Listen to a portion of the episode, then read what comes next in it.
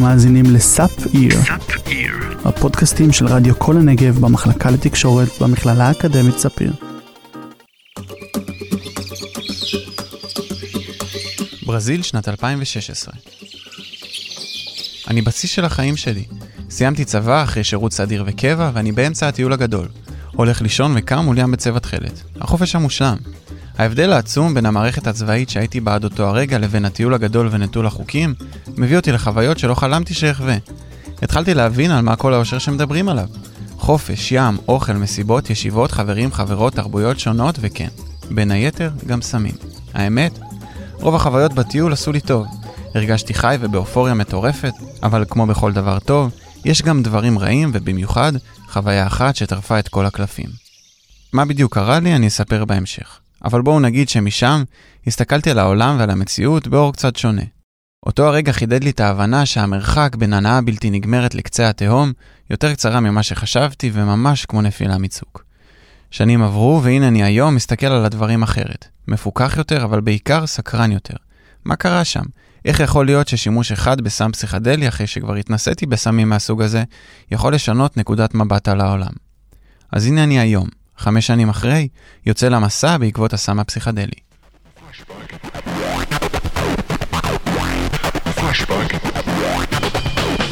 אתם ואתן על שמים לב. הפודקאסט שלי, דור ביידר, דניאל שניידר, עמרי קפלן ועומר סתיוי, על ההיסטוריה וההווה של הסמים הפסיכדליים. המילה פסיכדליה היא בעצם שתי מילים ביוונית שאיחדו למילה אחת. זאת יהב ארז, יוצרת הפודקאסט תודעה רבה וחוקרת את השימוש בפנאי של סמים פסיכדליים באוניברסיטת בן גוריון. פסיכדליה, חשיפת העצמי, חשיפת הנפש, אז, אה, או גילוי הנפש. אפשר להגדיר את זה כחומרים פסיכואקטיביים, שאתה מכניס אותם לגוף ואתה עובר איזושהי חוויה טרנספורמטיבית, חוויה של תובנות, שיש לך פתאום גישה בעזרתם לנפש שלך, שאין לך ביום-יום, במצב התודעתי הרגיל, או במצבים תודעתיים אחרים, שאליהם אתה נכנס עם חומרים אחרים. רגע לפני שנצלול למה בדיוק עושים החומרים משני התודעה מבחינה פיזיולוגית במוח, נפשט את המושג הגדול, תודעה. לפי הגדרת המילון, תודעה היא התכונה הבסיסית ביותר של הנפש. היא כושר הבנת העולם, עצם התפיסה של המציאות והאפשרות להבין את היחסים בין הזהות האישית לסביבה. או כמו שדוקטור עמוס עברי אומר, תפיסת החוץ והפנים של האדם. זאת אומרת, הדרך או האופן שבו אנחנו מכירים את החוץ ואת הפנים. אותנו ואת החוץ. זוהי תודעה. דוקטור עמוס עברי הוא פסיכיאטר שעובד במחלקה סגורה לגברים בבית החולים לב השרון בפרדסיה, ובין היתר, גם עובד בכפר איזון. היום, דוקטור עברי עוסק בעיקר בגישת מזעור נזקים בשימוש בחומרים פסיכדליים. כל אחד יגיד אני תופס את העולם אחרת כי העולם שלי הוא אחרת, כל אחד יגיד שאני תופס את עצמי אחרת כי הוא עצמו באמת אחר. אז החוויה של התודעה היא משתנה. אבל כשאנחנו מדברים על משני תודעה, לא משנה מהי התודעה, אותה תודעה, החומרים האלה משנים אותה. החומרים משני התודעה עליהם דוקטור עברי מדבר הם כמובן הסמים הפסיכדליים, כמו LSD, פטריות, איוואסקה, MDMA ועוד. כאשר אדם לוקח סם פסיכדלי, בהרבה מן המקרים רמת הסרוטונין במוח עולה. הסרוטונין הוא מוליך עצבי שמשפיע על רמת ההנאה שלנו. נגיד אם אנחנו מתאהבים ומאושרים, רמת הסרוטונין עולה, או מנגד, אם משהו רק קורה, אז רמת הסרוטונין יורדת. שינויים אלו קורים בפעילות מוחית. אנחנו לא יכולים לייחס לחלק אחד במוח פעילות אחת. אנחנו מבינים שמדובר בתקשורת בין אזורים שונים, בין חלקים שונים. אז אנחנו מדברים היום על פעילות של רשתות. אחת הרשתות האלה נקראת ה-Default Mode Network. משמעות של הרשת הזו נתפסת דרך ההבנה של החוויה הפסיכדלית, אם אנחנו מבינים שהחוויה הזאת היא, היא כרוכה בכיבוי של אותה רשת, ירידה של הפעילות שלה, כירידה בעצמי, באגו. אם אנחנו חושבים על החלוקה של פרויד, אגו וסופר אגו, אז האגו הוא בעצם איזושהי פונקציה מתווכת, כן? מתווכת בין הסופר אגו לאיד, כשהאיד הוא איזשהו בליל של, של דחפים ו, ורגשות לא מבוסתים ו, וצרכים וכל מה שהוא אנחנו ולא רואים. הסופר אגו זה מה שהחברה אומרת לנו לעשות, זה איך שהתחנכנו, והאגו זה מה שמגשר בין השניים. אז איך בדיוק צריכה של חומר אחד יכולה לערער את כל מה שחשבנו שידענו עד עכשיו על הנפש? אתה נכנס למצב תודעתי אחר, אבל זה לא המצב התודעתי הזה שמאפשר לך את הגישה לאיזשהו רובד אחר של המציאות, שאתה לא חווה ביום-יום. מדובר בחוויה מאוד סובייקטיבית. והיא באמת שונה הרבה פעמים מאדם לאדם, יש לה מאפיינים שהם ככה אה, חוצי אה, פרט, והם תקפים באמת לחוויות אה, באופן כללי, אבל התכנים, הרגשות, האלמנטים המשמעותיים ביותר של החוויה הזאת הם אלמנטים סובייקטיביים. כשאנחנו שומעים את המילה פסיכדליה, אז אנחנו ישר חושבים על כזה צבעים וצורות ופרקטלים ורוק פסיכדלי וכל מיני דברים של הסיקסטיז ופרחים. ובסוף זה משהו שהוא דווקא בכלל לא כל כך ויזואלי ולא כל כך מילולי.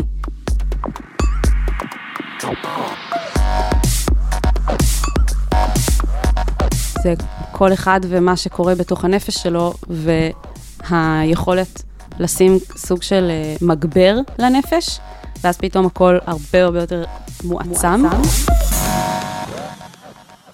ואפשר פתאום לראות ב, כמו מיקרוסקופ אל תוך הנפש, דברים שבעין, מה שנקרא עין בלתי מזוינת, או תודעה בלתי מזוינת, אי אפשר לראות את זה ביום-יום.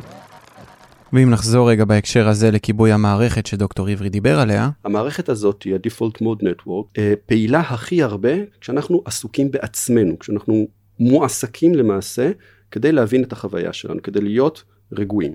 לא לאפשר ללמטה לצאת יותר מדי למעלה, ולא לאפשר ללמעלה לחדור יותר מדי למטה ולשנות אותנו. ב-16 באפריל 1943 גילה אלברט הופמן את ה-LSD. אפשר לומר שלפחות בתפיסה החברתית הכללית מאוד, הוא הסם שמייצג את הפסיכדליה. כמו הרבה דברים בחיים, גם את ה-LSD גילו כשלא כיוונו בכלל אל המטרה ההתחלתית. כשאלברט הופמן uh, בעצם מצא את ה-LSD, הוא בכלל חיפש תרופה להורדת לחץ דם לנשים בהיריון, ובמקרה, או שלא במקרה, זלגה לו uh, טיפה על היד, ובעצם הוא נכנס לטריפ האופניים המפורסם שלו. זה אודי קבלק. אני בן 32, אני מתעסק בהרצאות בנושא פסיכדליה, לגבי סיפור חיים אישי שלי, וגם לגבי שימוש מיטיב ואחראי. הוצאתי שתי ספרים בנושא, ומפיק כנסים ופסטיבלים. טריפ האופניים המפורסם למי שלא מכיר, הוא סיפור שרץ כמעט בכל ישיבה שהדיבור על הפסיכדליה עולה. בגדול, האגדה מספרת שטיפה מ-LSD זלגה בטעות על הכפפה שהופמן עטה. כעבור כמה זמן, הופמן התחיל לחוש בהזיות והשפעות מהסם, וכל זה למרות אמצעי ההגנה. הסקרנות מהשפעות החומר שלא היה מוכר אז במדע לא הניחו להופמן. שלושה ימים מאוחר יותר, הוא החליט לעשות שימוש חוזר בחומר, אבל הפעם שימוש מכוון. הוא שתה במעבדה כוס מים, בה היו 250 מיקרוגרם LSD. היום, אנחנו יודעים שהכמות גדולה מאוד. לאחר שהחל להרגיש את התחושה הפסיכדלית שוב, החליט הופמן לרכב את כל הדרך חזרה הביתה באופניים. זה נחשב לטריפ האסיד הראשון בהיסטוריה. ומה שקרה מאז זה בעצם אה, שמעבדות סנדוז, איפה שהוא עבד, הפיצו את החומר הזה כאיזה פלא. אה, בהתחלה חשבו שיראו איך אנשים משתגעים, איך מרגיש שיגעון, ולאט לאט גילו שזה לא בדיוק אחד לאחד הדבר. מאותו רגע הגילוי, השמועה התפשטה ברחבי העולם כמו אש בשדה קוצים. ובעצם מה שקרה בסיקסטיז זה שזה זלג לרחוב כמתרופה. כמו שבטח אתם מכירים, השימוש עלה ועלה ועלה, זה הגיע לכמה מיליונים בארצות הברית, וככה הממשל התחיל לפחד, בעיניי, מאנשים שהסכימו לשים פעם ראשונה סימן שאלה על הדרך המוכרה והידועה, והתחילו להגיד, אנחנו לא רוצים לעבוד מתשע עד חמש, אנחנו אה, לא רוצים ללמוד מקצועות שלא בא לנו, אנחנו לא תומכים במלחמות. כנראה שאין אחד או אחת מאיתנו שלא יודעים שצריכה של סמים פסיכדליים היא עבירה פלילית. אז למה באמת השימוש בסמים האלה כל כך מערער את המערכת הממסדית? הרי מההתחלה, כפי ששמענו, הדרך אל רבים מהם מגיעה בכלל מתוך מחקר רפואי. אני חושב שיש בחומר הזה איזו איכות שהיא אה, מטלטלת בעצם את המבנים הסדורים ונותנת לנו אופציה לבחון מחדש, בשונה ממה שגדלנו עליו, מה עכשיו. שנות ה-50, 60, המון מחקר, המון אה, עבודה, אבל עם הכלים שהיו אז. ולמרות שהכלים האלה היו מוגבלים, הם הביאו לתובנות אה, מאוד משמעותיות של הפוטנציאל הטיפולי.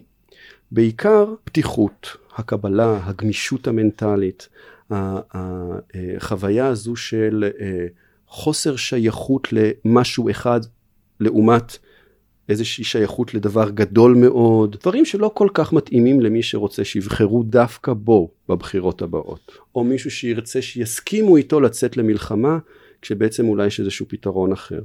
ככל שזה נהיה יותר גדול והאנטי וייטנאם וור וכל התנועה הזאתי, אה, אז אתה יודע, יש הרבה אינטרסים, גם שיש הרבה אנשים שאני חושב שזה האינטרסים הכלכליים שלהם, שקצת המלחמות כן ימשיכו ושכן יעבדו מתשע עד חמש, זאת אומרת, אתה יודע, זה עכשיו עניין פילוסופי אה, להיכנס אליו. אה, למי זה טוב שאנחנו עובדים מתשע עד חמש כל יום. בשנות ה-70 באמת העולם היה, העולם, אפשר להגיד שהעולם כל הזמן נמצא באיזשהו מצב של מלחמה ועימות, אבל הוא היה נמצא בעימות, הייתה מלחמה קרה, אירופה בדיוק הייתה בהתארגנות כזו בין המזרח למערב, היציאה ממלחמת העולם השנייה, ארה"ב הייתה אה, בווייטנאם, ומאפיינים הסובייקטיביים גלשו אל הכלל, אל החברה. אוקיי? המאפיינים הסובייקטיביים של אותה חוויה פסיכדלית יצאו מן הפרט והפכו להיות אה, המניפסט, נקרא לזה הפוליטי, של ההיפים, של הביטניקים, של ה... של הציבור הזה שהתאגד נגד המקובעות הממסדית, הפוליטיקה המלחמתית, כל מה שניסה אז לייצר איזשהו סדר מאוד מסוים בעולם, והציע סדר אחר. בסופו של דבר, אה, הנשיא ניקסון ועוד מדינות מובילות הוציאו את ה-LSD מחוץ לחוק, שמו אותו אגב בסיווג אה, סיכון מספר אחד, כמו הרואין לצורך העניין. אה, וזה עד היום ממותג ככה. פרופסור בהרווארד, הוא אמר 20 שנה ממה שלמדתי בפסיכולוגיה לא היו שוות ערך למה שלמדתי 4 שעות עם פטריות. וכשאתה שומע את זה מאיש כזה במוסד כזה מכובד, אה, זה קצת מטלטל, קצת הרבה, מטלטל את המערכת. וכמו תמיד, מה שקורה אצל הדוד סם מגיע גם אל ישראל. ב-1967, כשבארצות הברית היה Summer of Love, אצלנו היה מלחמה. המנטליות הייתה מאוד מאוד שונה אז. הייתה פה חברה סוציאליסטית מגויסת. גם ישראלים התחילו uh, לצאת לטייל אחרי הצבא. כל העניין הזה של הטיול הגדול, זה לא תמיד היה. זה משהו שהתפתח, ובטיולים האלה אחרי הצבא, בעיקר לדרום אמריקה והודו, אז הישראלים התחילו לגלות כל מיני תרבויות אחרות סביב שימוש בחומרים, אם זה כזה גואה וטראנס בהודו ודברים כאלה, ופטריות, ואם זה סן פדרו והאווסקה ופיוטה מרכז ודרום אמריקה, והתחילו להביא בחזרה איתם, בעיקר בשנות ה-90 לקראת ה-2000, את התרבויות האלו. אותה גברת בשינוי אדרת כזה. כלומר, מותאם לקהל הישראלי.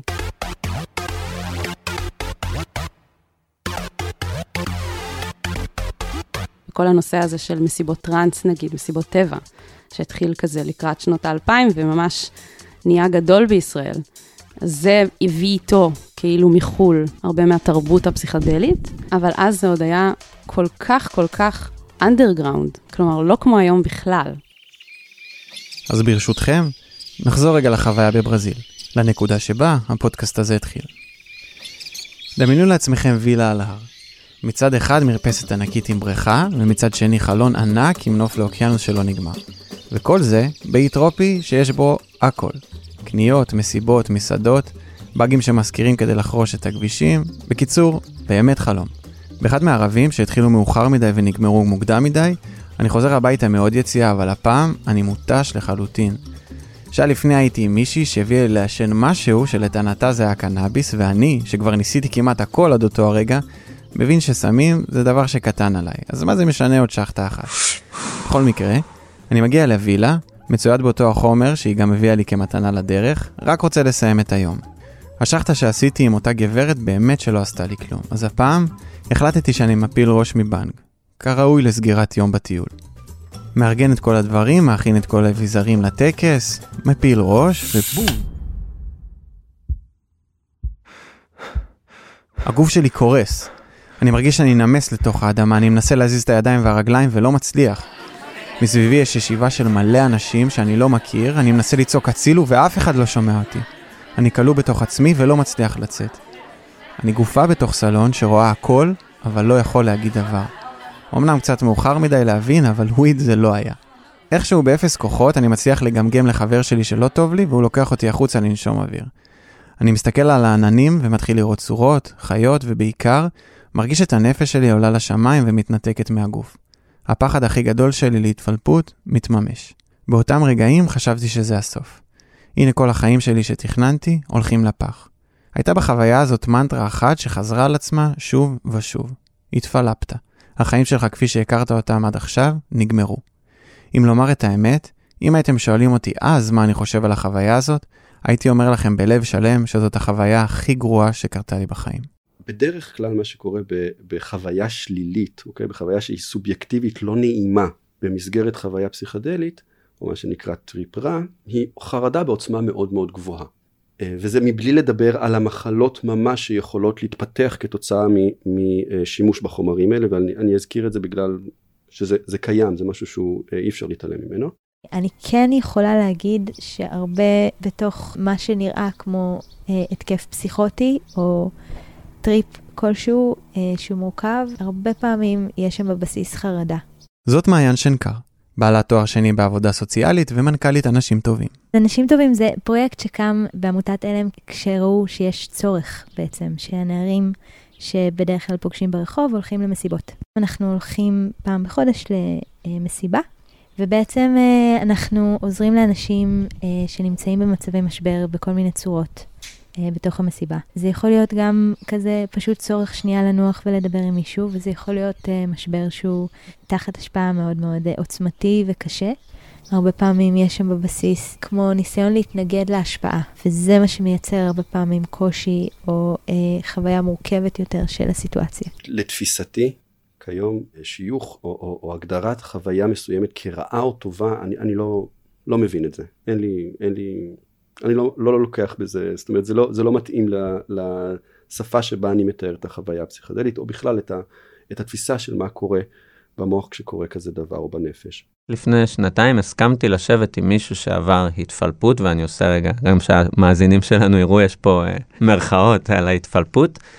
כי בעצם זו סוגיה נורא נורא מורכבת. אם אתה תיקח שמן בדרום אמריקה שמעביר טקסים, והוא ביום יום שלו מדבר עם צמחים וחיות, אז, אז לא, זה בכלל לא התפלפות. אבל כשאתה לוקח אה, אדם ממוצע מערבי, ספציפית הבן אדם שדיברתי איתו היה גם בן 22, והוא טס לפסטיבל קרחנה באוסטרליה, והוא אומר לי, ודיברתי עם עץ, שעתיים, דיברתי עם הציפורים. ואמרתי לו, והרגשת שאתה מתפלפ? הוא אומר לי, ממש לא, זה היה הדבר הכי אותנטי ועמוק ונעים, עד שבא החבר שלי ואמר לי כזה עם כאפה על הגב, מה עוד פעם אתה מתפלפ לנו? וזה שהסביבה לא קיבלה אותו, גרם בעיקר לפליפ הזה, אבל לא רק, אני חושב שמה שקורה בפליפים האלה זה בעצם שאנשים ללא רקע או יכולת הכלה רוחנית או רגשית, מגיעים פתאום למקום נורא נורא גבוה, או נורא נורא כואב, והכלי שלהם עוד לא יכול להכיל את החוויה הזאת והוא פשוט מתפוצץ, וזה מה שאנחנו רואים כמשתגע. וכאן אני חייב להזכיר את המונח set ואת המונח setting, ולהסביר ש... אנחנו מביאים לתוך הדבר הזה, לתוך החוויה הזאת, את עצמנו. עם כל מה שיש לנו. עם הטוב במרכאות ועם הרע במרכאות. עם מה שנעים לנו ועם מה שלא כל כך נעים לנו. עם הסט שאיתו אנחנו נכנסים לתוך החוויה, בקיצור, לא מתאים לסטינג שבו אנחנו חווים אותו, את החוויה הזאת, אנחנו עלולים לחוות חוויה שלילית. לכן זה משהו עקרוני חשוב מאוד אפרופו לכל החומרים לכל השימוש בחומרים ומבחינתי הרבה פעמים גם לחומרים שאנחנו היום מגדירים כתרופות תרופות. קשה לומר שהעולם לא מדבר על סמים פסיכדליים. השאלה היא רק איזה סוג של שיח נוצר. קודם כל זה שאנשים מפחדים לדבר על משהו זה כבר אומר שחסר עוד שיח עליו ולא הייתה כל כך קהילה. חומרים אלה מוכרים לאנושות אלפי שנים. החוויה הפסיכדלית אה, כתוצר של, אה, של שימוש בצמחים שונים מוכרת בכל התרבויות. החוויה הדתית קשורה אליה, הרבה טקסי חניכה בתרבויות שונות קשורות לחוויה הפסיכדלית. זה נמצא בכל מקום. היו אנשים שהיו משתמשים בפסיכדלים, מסיבות טבע, פסטיבלים, כל מיני אה, מעגלי איוואסקה, והיו ניצנים של שיח סביב מחקר קליני על פסיכדליה, שקורה פה בארץ, דרך MAPS, שזה Multidisciplinary Association for Psychedelic Studies, שזה ארגון שמממן את המחקרים הכי גדולים בעולם בתחום, אבל לא, לא היה איזה גוף כזה שמאגד, מאז גם נוצרו כל מיני גופים. זה התחיל בערך ב-2017 כזה. התחילו אנשים יותר לדבר על זה, להתעניין בזה מעבר לרק לעשות את זה, אלא גם לקרוא, לנהל דיונים, להתעמק במחקרים. בעקבות ההצלחות של הניסויים האלה בנפש תחת מוסדות חוקיים, אז אנחנו מתחילים לראות יותר ויותר הכרה גם של ממסדים באיכויות של החומרים האלה. עדיין יש ביג נו נו, בטח ובטח בבתי ספר. אגב, אני חושב שהאחריות שלנו כחברה היא להתחיל לדבר על זה פשוט באופן חופשי אה, ו- ולהוציא את הטאבו, כי הטאבו בסוף הוא מה שיוצר את הנזק, זה הירייה ברגל. הדימוי הכי יפה זה תמיד אומרים תיקח סכין, זה יכול uh, לשמש אותך לדקור מישהו וזה יכול גם לנתח לב, אז האחריות היא על מי שעושה את זה. אני עכשיו יוצרת הסברה רשמית, דרך משרד הבריאות, דרך אילסם, שזה הפס... ארגון הפסיכיאטרים. אני ועוד כאילו הרבה חברים מתחום מזעור הנזקים. בעצם אה, עכשיו עובדים חזק על אה, לייצר אה, מקורות מידע אמינים. פתחנו לפני שנה וחצי את האגודה הישראלית לפסיכדליה. אנחנו חברים בוועדת הסמים בכנסת, מדברים תחת ועדת הסמים על מסיבות טבע, שבתוכן גם פסיכדליה, איך אנחנו יכולים למזער נזקים. זאת אומרת, קודם כל זה כבר שינוי ענק שיש בכנסת ועדה שיושבת עם מפיקים של מסיבות טבע ומשרד המשפטים והאגודה הישראלית לפסיכדליה, ובעצם יש שיח לגבי לא איך אנחנו מונעים מכולם לקחת חומרים, אלא איך אנחנו ממזערים נזקים, מתוך ידיעה שזה כבר קורה ואנשים לוקחים. אז מטרת הוועדה היא לראות איך אנחנו מצמצמים בכמה שיותר את הנזקים למי שכן בוחר להשתמש. העבודה הרבה פעמים היא בסך הכל לייצר מרחב מוגן, לגרום לבן אדם לבטוח בך, להרגיע אותו, לתת לו את הדברים שהוא צריך. לא להתערב לו יותר מדי בסיטואציה. כלומר, אני לא, אחת ההנחיות שלי למתנדבים, באמת לא, לא להתערב בתוך התוכן. כאילו, אני לא פה כדי להגיד לו, אה, מה שאתה חווה כרגע הוא לא אמיתי, אבל אני גם לא אגיד לו, נכון, זה הכל אמת. זה איזשהו קו עדין ביניהם. באמת אפשר לראות הרבה פעמים איך, ה, איך תודעות של אנשים עובדות.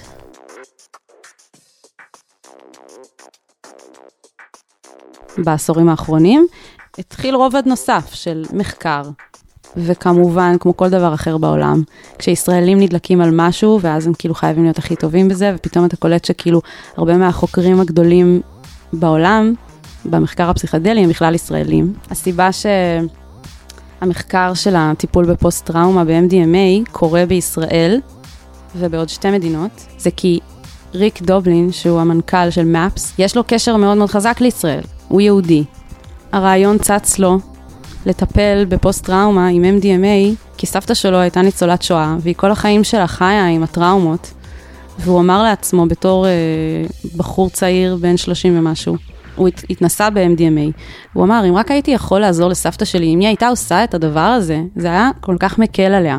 וככה בעצם נוצר הניצוץ הזה של, של כל הארגון הזה, שהיום הוא, הוא מנהל תקציבים של מיליונים ו, ומחקרים ברחבי העולם. וכשהוא הגיע לכאן ועושה את ההרצאה, כשהוא סיפר על זה, אמרתי לעצמי, אה, אז ברור שבגלל זה זה קורה פה.